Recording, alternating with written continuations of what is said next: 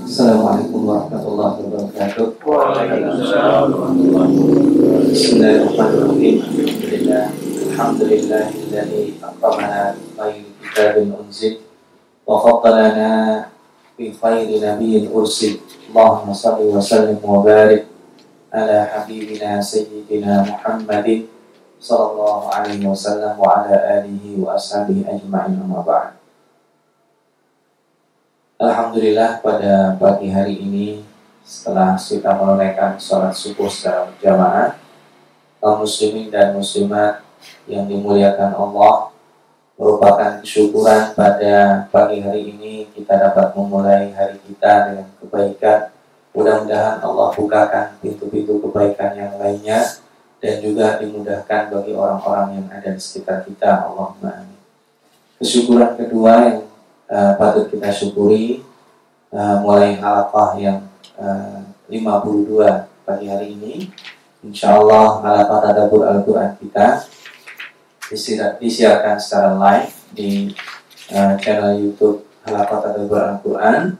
Juga bisa disimak di Radio El dengan frekuensi AM 918 juga bisa uh, dilihat uh, secara langsung live streaming di www.dakwatuna.com mudah-mudahan dengan uh, rekaman yang sebelumnya bisa dinikmati off air kali ini bisa dinikmati secara langsung. Dan insya Allah ke depan kita bisa interaksi secara langsung dengan kaum muslimin dan muslimat bukan hanya yang ada di tempat ini tetapi dengan uh, yang ada di berbagai uh, tempat.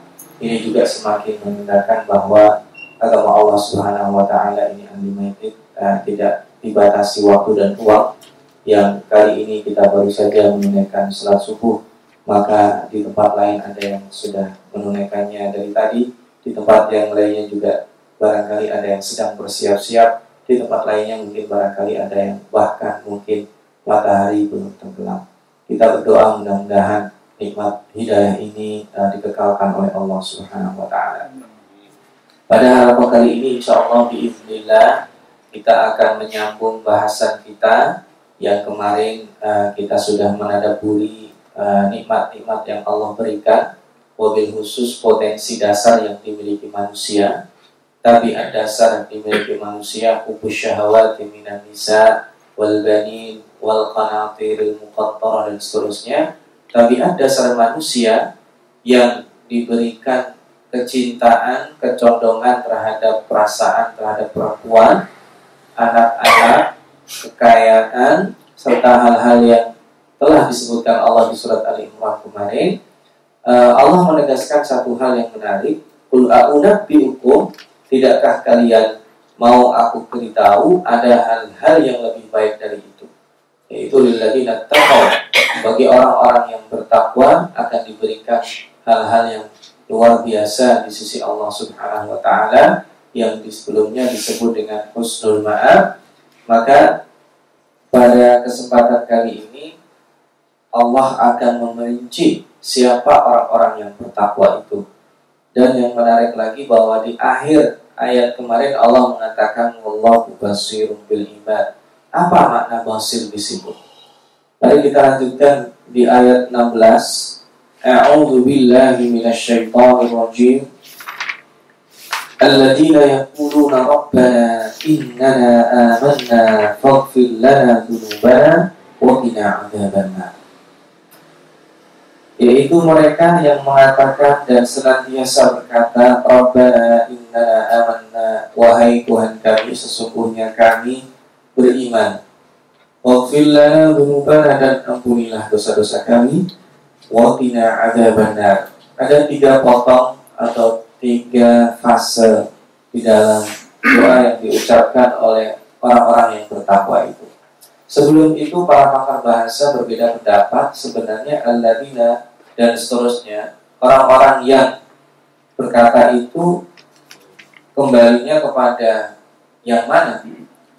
Sebagian besar mufassirin mengatakan ini kembali untuk menjelaskan secara detail sifat orang-orang yang bertakwa yang diberikan kedudukan mulia.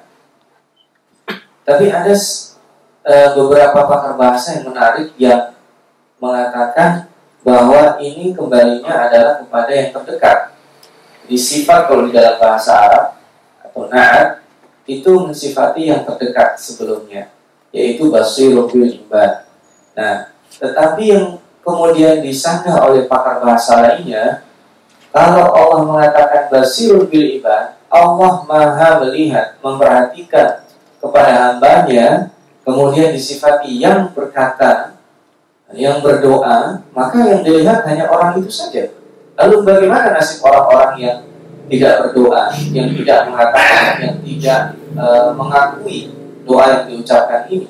Apakah itu tidak sangat kontradiktif? Mereka menjawab bahwa makna basirun di sini berbeda dengan basirun bagi orang-orang yang melakukan dosa. Jadi basir itu maknanya luas, Wasirun maknanya itu melihat, mengamati, mengetahui sangat detail dan di sini basirun dimakna memperhatikan dengan rahmat dan cinta. Itu basir di sini e, ibad di sini juga khusus. Maha melihat itu maha memperhatikan. Maha melihat itu maha memberikan pengayoman penglihatan itu. Bila ibad, ibad yang dimaksud di sini juga ada kaitannya dengan takwaan yang disebut sebelumnya. Nah, kemudian tiga potongan yang tadi disebut dalam doa atau mereka yang berkata, pertama, Rabbana inna amanna. Ini takkid atau ada konfirmasi dengan pertama mengatakan Rabbana. Kemarin kita berkata, Rabbana itu bentuk panggilan yang sering kita sebut. Karena di sini disebut dengan tauhid rububiyah kalau kita masih uh, mengingat kajian yang pertama kali dulu kita pelajari ada tauhid uh, uluhiyah kita menuhankan dan menyembah Allah ada tauhid rububiyah zat yang senantiasa mengurus kita memelihara kita dan sebagainya dan satu ada tauhid sifat asma sifat nah ini dengan menekankan Rabbana itu sudah mengakui bahwa Rabbana wahai Tuhan yang memelihara kami, Tuhan yang membesarkan kami, wahai Tuhan yang memberi rezeki kami, wahai Tuhan yang menjaga kami ketika kami tertidur, wahai Tuhan dan seterusnya. Karena kita tidak sanggup untuk menjaga diri kita. Boleh jadi orang-orang yang kaya untuk menjaga kekayaannya dia siapkan itu security di depan rumahnya. Tetapi security itu hanya usaha. Berapa banyak itu bank-bank yang ada security-nya tetapi tetap jebol juga. Karena sekarang bukan hanya melalui fisik, pencurian bisa dilakukan dengan virtual, eh, melalui dunia maya. Atau kita sudah melakukan penjagaan kepada anak kita, kita sudah mendidik setiap hari, tetapi di luar sana dia punya dunia yang lainnya. Maka sesungguhnya Rabbana wahai zat yang memelihara kami. Kami itu termasuk keturunan kami dari hal-hal yang kami tidak menginginkan membuat hal tersebut jauh darimu. Maka ini penekanan. Ditambah lagi inna sesungguhnya kami amanah. Amanah itu sudah beriman. Orang kalau sudah beriman itu artinya kami siap mendengar apa titahmu. Nah ini maka penting sekali orang yang beriman percaya kepada orang maka dia akan menaruh harapannya ke sana maka dia akan mendengarkan apa betuahnya. Apalagi ini adalah inna amanna bika ya Ini uh, fase yang pertama. Yang kedua, orang-orang yang sudah beriman seperti itu, maka dia layak mendapatkan apa? Faghfir lana dzunubana. Faghfir ini adalah potensi kedua yang dinikmati oleh orang-orang yang beriman, yaitu ditutup aibnya ditutup aibnya dulu. Orang kalau melakukan kesalahan itu yang diharapkan ditutup aibnya dulu. Baru setelah aibnya ditutup, kita berharap yang kedua aib itu dianggap tidak ada. Makanya biasanya nanti disempurnakan fakfilana waktu bahalaina. Taubat itu kita kembali kepada Allah atau kalau dalam surat Ghafir, Ghafirid dambi wa qabilit. Allah itu maha menutup aib dan menerima taubat. Jadi kalau kita punya dosa kepada Allah yang kita minta pertama kali, ustur aliban. Tutuplah aib ini ya Allah. Selama-lamanya. Dan kalau perlu, waktu alaina itu maksudnya adalah anggaplah aib itu tidak ada. Maka fakfirlah dan dunubana ada dua itu. Kalau sudah tidak ada aib, tidak ada kesalahan kepadamu ya Rob, maka wakina adzabannar. Jauhkanlah kami dari neraka, siksa neraka. Nah ini yang pertama. Yang kedua, orang-orang yang bertakwa itu, ini filosofinya tiga tadi, beriman, setiap melakukan dosa yang disengaja ataupun yang tidak disengaja, dia segera langsung korek kepada Allah untuk berlindung dari dosa tersebut. Dan sifat kedua adalah as-sabiri. Nah ini semakin menguatkan karena di sini as-sabiri. Kenapa bukan as-sabiru? As-sabiri berarti kembalinya kepada ada dua di sini. Lilladina taqaw atau bil ibad. Dua-duanya dibolehkan. Tadi sudah kita bicarakan. As-sabiri was-sadiqi wal-qaniti wal munfiqi wal mustaghfirina bil ashar. Di sini ada satu, dua, tiga, empat, dan lima. Nah, yang pertama kenapa sabar? Sabar itu tidak ada batasnya. Sabar itu pada hakikatnya adalah limpahan nikmat Allah Subhanahu wa taala kepada para dai. Khususnya Nabi Muhammad sallallahu alaihi wasallam. Maka kata-kata sabar itu harus identik dengan orang yang bertakwa. Dan sabar itu bukan sabar defensif. Sabar itu bukan hanya sabar kalau kita pahami orang sabar itu kalau ditimpa musibah dia sabar. Itu sabar defensif. Ada sabar namanya ofensif. Orang dalam pertandingan sepak bola yang dinamakan sabar itu bukan ketika dia diserang saja, tapi dia harus sabar dalam membangun serangan supaya bisa menimbulkan gol. Itu dalam permainan, apalagi di dalam dakwah. Dalam dakwah ini kita sabar ketika dicaci, ketika dibenci, ketika dimusuhi. Tapi lebih dari itu sabar adalah ketika kita juga dipuji. Orang yang dipuji kadang lalai sehingga tidak sabar. Orang yang diberikan kenikmatan materi kadang lalai sehingga tidak sabar. Bahwa sabar itu juga ada dalam taat. Makanya dikatakan orang-orang yang sabar itulah orang yang sanggup melakukan sholat Orang-orang yang khusyuk itulah orang-orang yang sabar. Dan lihat, wasta'inu bisobri wassalam. Karena di dalam di dalam sholat itu terdapat kesabaran. Orang-orang yang tidak sabar dalam sholat lihat saja. Secara fisik dia mungkin tidak tomak dalam sholatnya. Orang-orang yang di dalam sholat tidak sabar terlihat. Dia di dalam sholat sudah memikirkan nanti setelah sholat saya akan A, setelah A saya akan B. Padahal sholatnya belum selesai. Ketika sholat, dia juga sabar. Kenapa? Karena waktu sholat itu sudah ditentukan Inna sholat akan alal mu'minina kitaban mawquta. Sudah ada waktunya. Maka kesabaran ini dimensinya sangat luas. Sabar defensif dalam artian menerima cobaan, hal-hal yang tidak mengenakkan, itu bagian dari uh, konsekuensi di antara sabar-sabar yang lainnya. Padahal manusia itu hidup di antara empat kondisi. Semuanya memerlukan kesabaran. Apa itu? Yang pertama, manusia yang dia inginkan terjadi. Nah, dia perlu syukur di situ. Yang dia inginkan tidak terjadi. Dia ingin A, jadinya B. Dia perlu bersabar. Atau sebaliknya yang negatif, yang tidak dia inginkan tidak terjadi. Nah, ini dia perlu bersyukur. Dia khawatir, ah Alhamdulillah tidak terjadi. Dia khawatir B, Alhamdulillah tidak terjadi. Dia khawatir kalau terjadi ini, Alhamdulillah tidak terjadi. Makanya perlu syukur sekaligus perlu sabar. Yang paling berat adalah yang dia tidak inginkan terjadi.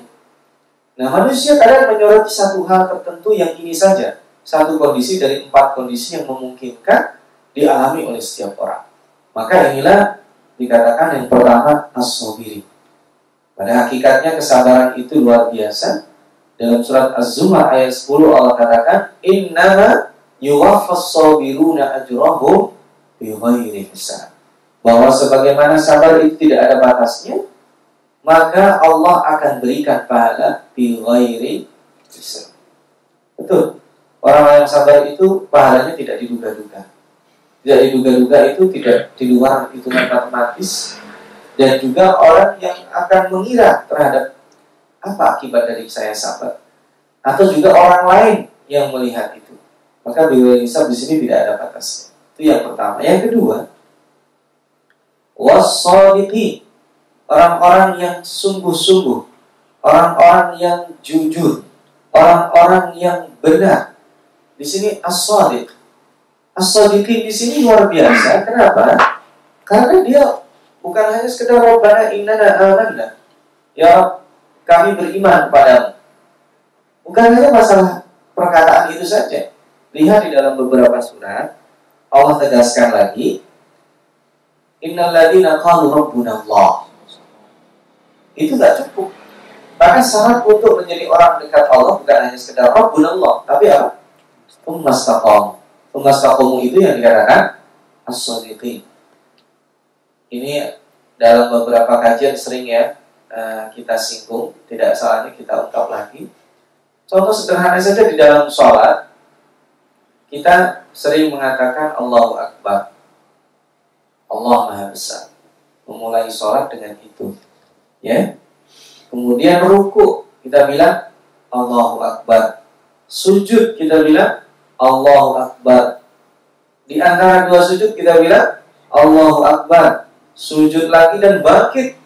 Kita bilang Allahu Akbar. Kalau kita lakukan satu hari satu malam plus kita berzikir 33 kali kali lima itu artinya Minimal kita sudah bilang kepada Allah engkau maha besar 250 kali. Tapi pada kenyataannya Allah menjadi kecil. Nah itu artinya kita tidak jujur.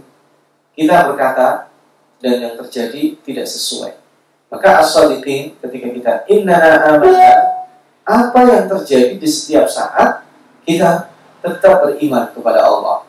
Kejujuran itu pada hakikatnya seperti yang direfleksikan oleh Abu Bakar Makanya Abu Bakar itu bukan hanya as-sadiq, dijuluki Abu Bakar as-siddiq karena beliau tidak peduli apa kata orang, apa yang datang dari baginda Rasulullah SAW itu sudah pasti benarnya. Yang berikutnya al-qanitin. Qanitin itu adalah ketakwaan dalam kondisi apa pun. Ketakwaan dalam kondisi senang. Al-qanitin itu ketaatan dalam kondisi susah. Ketaatan dalam kondisi kita tidak jelas perasaannya itu qanit qanit kemudian al munfiqin nah ini mulai kalau tiga yang tadi dimensinya adalah kekuatan internal dan hubungannya hubungannya dengan Allah maka al munfiqin ini berhubungan dengan secara sosial. Itu orang-orang yang mengeluarkan infaknya. Al munfiqin ini banyak. Al munfiqin ini sengaja. Biasanya dikatakan alladzina yunfikuna amwalahum. Tapi di sini tidak dikatakan berarti dimensi infak juga luas. Kita bisa menginfakkan tenaga kita, menginfakkan waktu kita, menginfakkan anak kita, sebagaimana yang dilakukan Nabi Ibrahim alaihissalam berinvestasi dengan anak-anaknya dijadikan agen-agen dakwah. Makanya beliau secara usaha seperti itu dan nanti dikabulkan anak-anaknya sebagian besar menjadi uh, para rasul dan anbiya dan sehingga beliau dijuluki Abul Anbiya, bapaknya para nabi. Nah ini semua potensi yang Allah berikan kepada kita ini berpotensi sekaligus untuk kita infakkan. Harta, ya, waktu, ya, pengetahuan, ilmu, iya, saudara-saudara dekat kita, iya, semua dikerahkan. Maka itu dikatakan sebanyak mungkin kita bisa infakkan itu, maka itu akan kita sebut sebagai wal munfiqin yang terakhir, ini dimensi pembekalan kembali. Atau sebenarnya ini yang pertama. Orang-orang yang bisa sabar. Orang-orang yang jujur. Orang-orang yang taat. Orang-orang yang infak. Empat hal tersebut bisa dilakukan oleh siapa? Nah, ini pembekalannya bisa dilakukan wal mustaghfirina bil ashab. Nah, Wal mustaghfirina bil ashar ini adalah orang-orang yang beristighfar di waktu sahur. Nah, wal mustaghfirina bil ashar ini orang-orang yang beristighfar di waktu sahur ada maknanya dua. Yang pertama, mustaghfirina bil ashar ini adalah orang-orang yang sholat di waktu sahur. Nah, artinya banyak. Yang kedua, berarti orang yang gemar puasa juga. Karena istilah sahur itu identik dengan puasa. Nah, yang ketiga juga ini minimalnya ya. Istighfar gimana istighfar betulan. Istighfar kita memang istighfar. Astagfirullahaladzim. Astagfirullahaladzim. Nah, astagfirullahaladzim ini artinya adalah bahwa zikir sendiri itu punya tempatnya. Betul, la ilaha illallah itu zikir. Betul, subhanallah itu zikir. Betul, alhamdulillah itu zikir. Tetapi ketika datang waktu sahur, maka zikir yang paling utama adalah istighfar. Maka sebaiknya kalau menjelang waktu sahur perbanyaklah istighfar. Perbanyaklah kita istighfar. Dan itu juga karena di hari di waktu itulah Allah taala memang sudah menunggu dalam hadis kutsinya fahal min mustaghfirin fa'aghfirulah. Apakah ada orang yang minta ampun kepadaku maka akan aku beri ampunan dia. Selain ada fahal min sa'ilin fa'ataituhu. Ada nggak orang yang minta maka akan aku beri. Nah ini dua ayat yang membicarakan siapa orang-orang yang akan diberikan kedudukan istimewa tanpa sekali sekali lagi ya tanpa menghilangkan fitrah dia yang diberikan kecenderungan kepada perempuan itu artinya maka orang yang bertakwa itu bukan orang yang tidak kawin tidak menikah dia tetap menikah orang yang bertakwa bukan orang yang tidak punya anak dia punya anak banyak mungkin orang yang bertakwa bukan berarti orang yang miskin tidak juga orang yang punya harta banyak karena justru di sini ada potensi munfikih. Dari mana dia memberi kalau tidak punya harta? Orang yang bertakwa bukan orang yang tidak punya investasi kehidupan dunianya. Maka dikatakan zujina linnasi hubbus syahawat minan nisa dan seterusnya itu itu adalah tabiat-tabiat sekaligus potensi dasar yang Allah berikan sekaligus berpotensi untuk dijadikan sarana meraih posisi yang mulia di sisi Allah. Nah ini dua ayat kaitan dengan sebelumnya. Kita berpindah kepada ayat ke-18 yang memiliki background turunnya ayat ini adalah ada orang-orang Yahudi dan Nasrani yang mendatangi baginda Rasulullah SAW ketika beliau mengatakan bahwa saya ini utusan Allah. Beliau datang ke Madinah. Orang-orang ahli kitab ini sudah kenal dengan ini. Itu utusan Allah? Ya. Nama itu siapa? Muhammad, Ahmad, Oh ini sudah ada dalam kitab kami. Sebagian yang beriman langsung seperti itu. Yang tidak beriman dia mengatakan, mana? Mana buktinya? Kalau sekarang itu PNS-nya, mana SK-nya? Gitu. Nanti pegawai ini, mana surat? Nanti dosen di universitas ini. Nah, kamu kerja di sini, mana buktinya? Nah, semua menantang seperti itu, Nabi Muhammad SAW tidak perlu menjawab, karena yang menjawab adalah Allah SWT diturunkan ayat ini seketika itu juga. Syahidallahu annahu la ilaha illa huwa wal malaikatu wa ulul ilmi qaiman bil qisti la ilaha illa huwal azizul hakim. Ini pukulan telak. Ayat ini sering kita baca. Maka kalau Allah sudah syahidah, Allah bersaksi, mempersaksikan, mengatakan terus-terusan, tidak pernah berhenti persaksiannya, sesungguhnya dialah Tuhan tidak ada Tuhan selain dia. Coba lihat. Allah. Kemudian ditambah annahu la ilaha illa huwa. Dan bukan hanya itu. Wal malaikatu wa ulul ilmi qaiman. Yang menarik di sini qaiman. Harusnya qaimina. Kenapa qaimina? Karena yang disebut Allah, para malaikat dan orang-orang yang diberikan ilmu oleh Allah harusnya qaimina bil qisti tetapi tidak cukup Allah saja yang membuat saksi. Kalimat di sini kembalinya kepada Allah. Allah yang bersaksi. Bil dengan seadil-adilnya. Kesaksian Allah itu adil. Buktinya nyata, jelas. Wal malaika sudah kita ketahui. Wa ulul ilmi di sini perbedaan ulama. Ada yang mengatakan wa ulul ilmi adalah para ulama ahli kitab. Para ulama ahli kitab itu kalau mau buka hati mereka, jujur mereka sudah cukup jadi saksi. Karena mereka tahu bahwa ini betul utusan Allah. Ketika Nabi Muhammad SAW mendatangi Warakah bin Naufal ya, saudara Khadijah, dia tahu oh ini yang dialami Muhammad sama dengan yang dialami Musa. Dan kalau ente kayak gini ciri-cirinya, Anda seperti ini Muhammad, maka siap-siap. Sebagian orang tidak akan siap mendengar ini. Nah, kamu akan disakiti dan seterusnya. Nah, para ahli kitab itu cukup kalau dia tahu Karena dia mendapatkan berita. Nah, ada yang mengatakan wa ulul ilmi di sini disebut para anbiya. Sebelum Nabi Muhammad SAW itu menjadi saksi. Terutama Nabi yang terdekat Nabi Isa. Karena Nabi Isa memberikan nubuat, nanti orang yang datang setelahku adalah Nabi akhir zaman. Nabi Musa juga demikian dan nabi-nabi sebelumnya. Nah, diulang lagi la ilaha illallah, tidak ada Tuhan selain Dia. Dia itu siapa? Zat yang mengutusku. Wa huwa di sini illa al-aziz al-hakim. Kita udah katakan ya. Azizun hakim itu paduan sifat yang luar biasa. Yang pertama paduan kekokohan, paduan keperkasaan, wahdaniyah satu. Seseorang membangun masjid, dia perlu orang lain. Minimal kalau dia punya duit, dia perlu tukang bangunan, dia perlu insinyur, dia perlu arsitek, dia perlu uh, pakar yang membangun ini. Nggak ada seorang pun di dunia ini dia punya duit, dia juga arsitek sebuah bangunan, dia juga yang ngerjain. Nggak Dia pasti perlu orang lain. Sementara Allah azizun. Allah itu maha mulia. Dia sanggup melakukan dengan sendirinya. Tidak perlu siapa-siapa.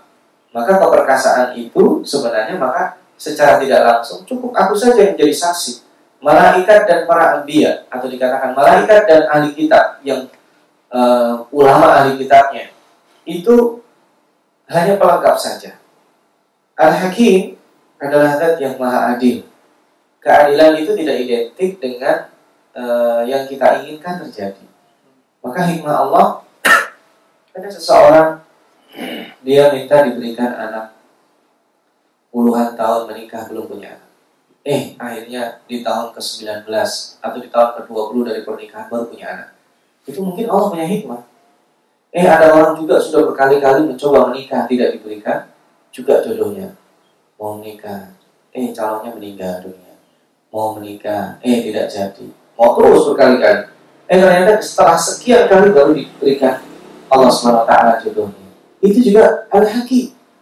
Bahwa keadilan Allah itu based adalah ilmu yang Allah miliki. Sementara manusia, eh, keadilan itu berdasarkan fakta dan data saja. Itu pun fakta dan data kadang dimanipulasi, eh, sehingga keadilan yang terjadi di tengah-tengah manusia, keadilan isbi, makanya nanti tetap semuanya kembali kepada Azizun Hakim. Lalu apa kata Allah? Inna dina indallahil Islam. Sesungguhnya agama yang diakui di sisi Allah adalah agama Islam. Islam ini sekali lagi di sini nama agama, tapi sesungguhnya Islam itu identitas. Maka kalau ada orang mengatakan, saya pernah uh, berdiskusi dengan uh, mahasiswa-mahasiswa saya, apa agamanya Nabi Musa? Apa agamanya Nabi Isa? Sebagian mereka mengatakan Nabi Musa agamanya Yahudi, Nabi Isa agamanya Kristen. Nah ini bahaya. Semuanya beragama tauhid, tanpa disebut disebut namanya apa. Semua agama para nabi itu agamanya adalah tauhid. Nah, kalau istilah Islam itu dikenal dengan Al-Qur'an. Sebelum itu bisa jadi agama itu tidak disebut.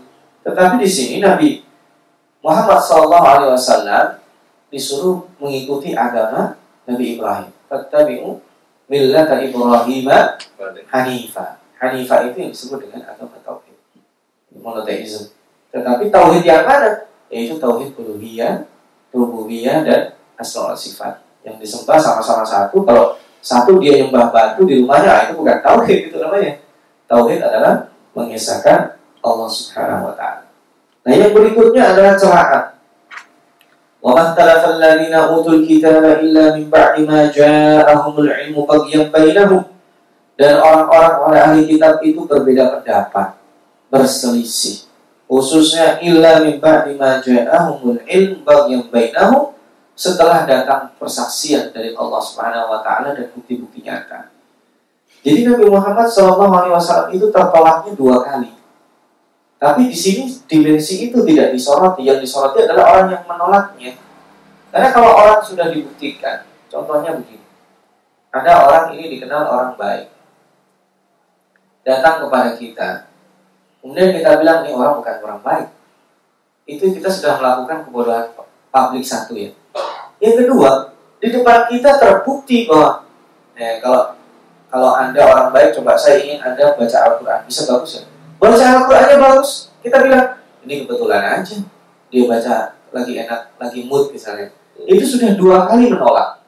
Jadi bukti di depan mata serta pengakuan publik itu tidak dianggap.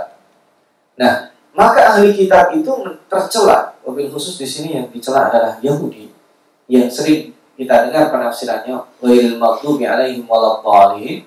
Ghairil maghdub itu tercela bukan hanya tercela maghdub dibenci kenapa? Orang sudah tahu mengingkari kan nyebelinnya orang sudah tahu tapi dia tidak mau.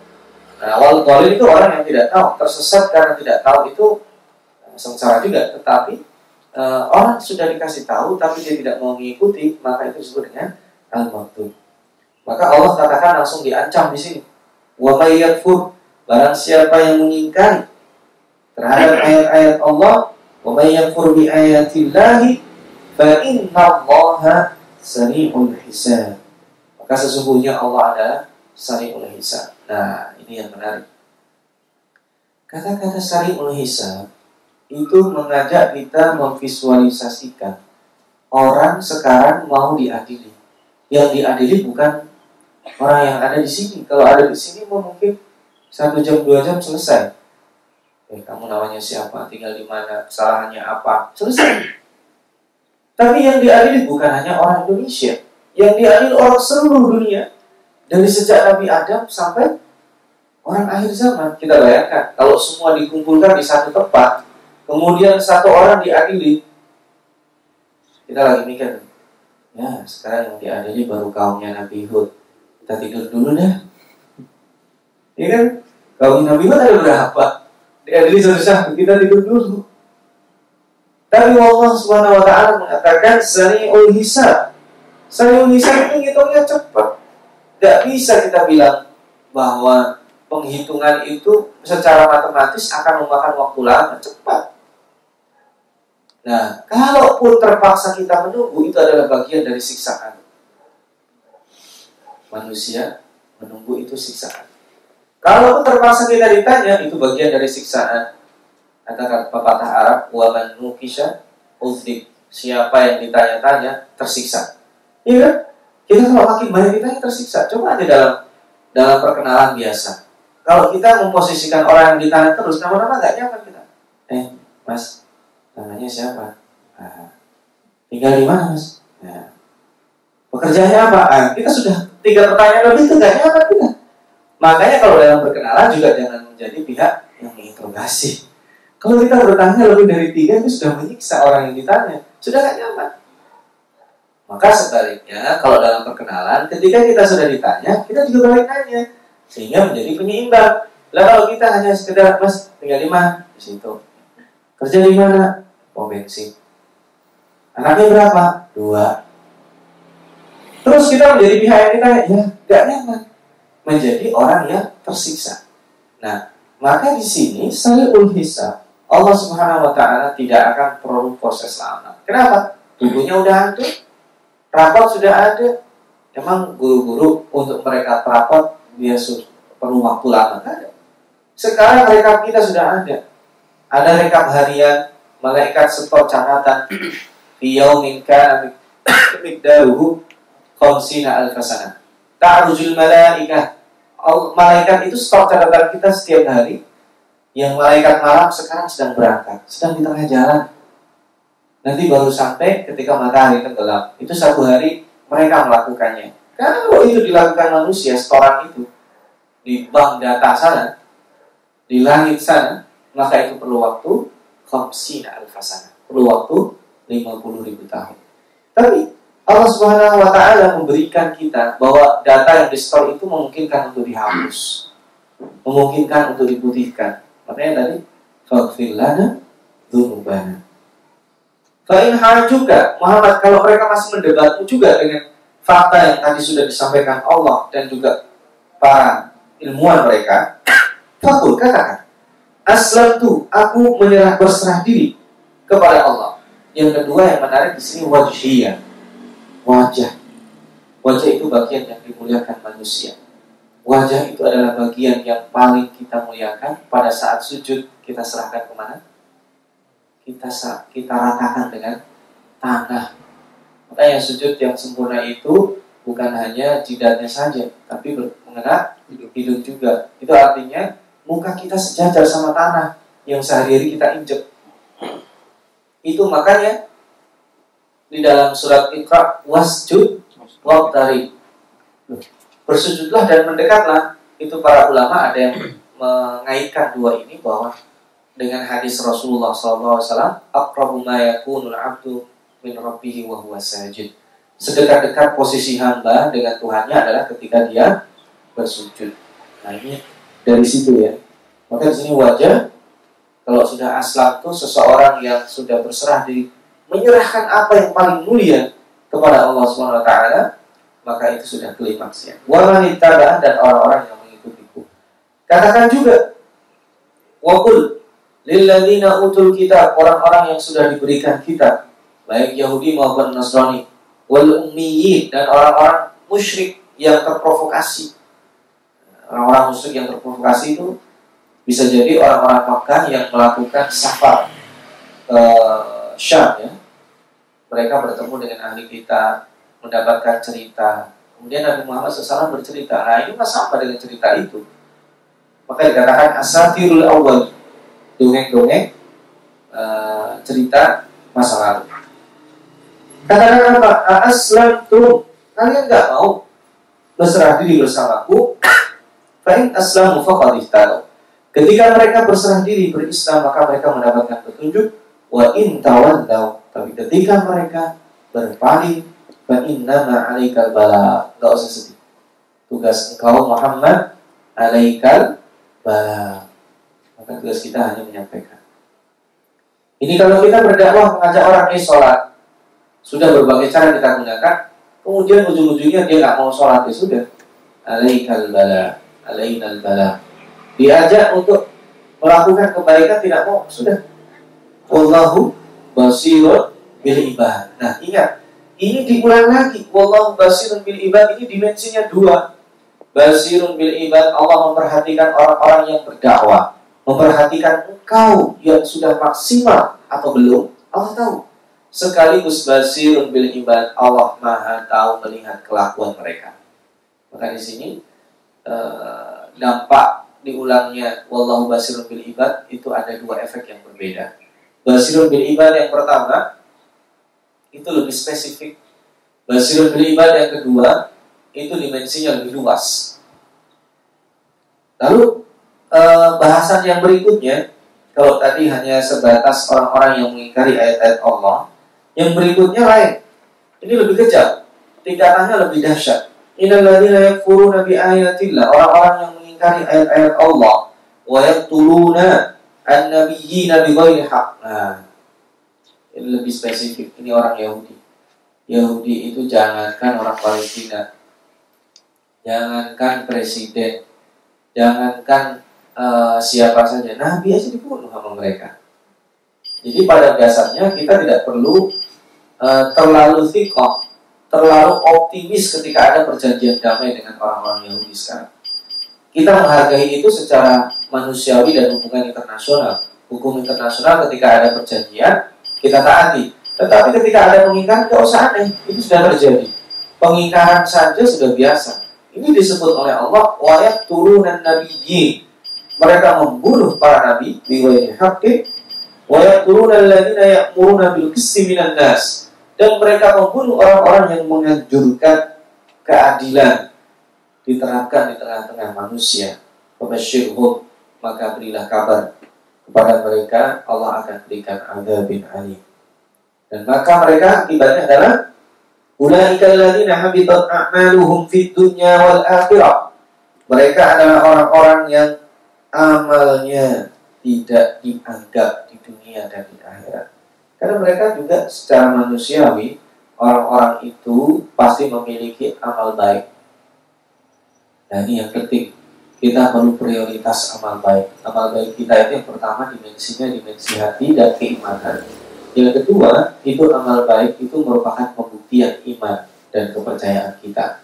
Maka habitat amaluhum itu adalah kalau perbuatan baik kita kemudian kita hapuskan dengan syirik, kita hapuskan dengan pengingkaran ayat-ayat Allah, maka nantinya Allah katakan sekali lagi wa ma lahum min nasir. Mereka tidak akan pernah memiliki penolong uh, sedikit pun. Nah ini lanjutan dari yang kemarin kita bahas. Insya Allah ini masih ada lanjutan. Apa yang sebenarnya disebut dengan keadilan?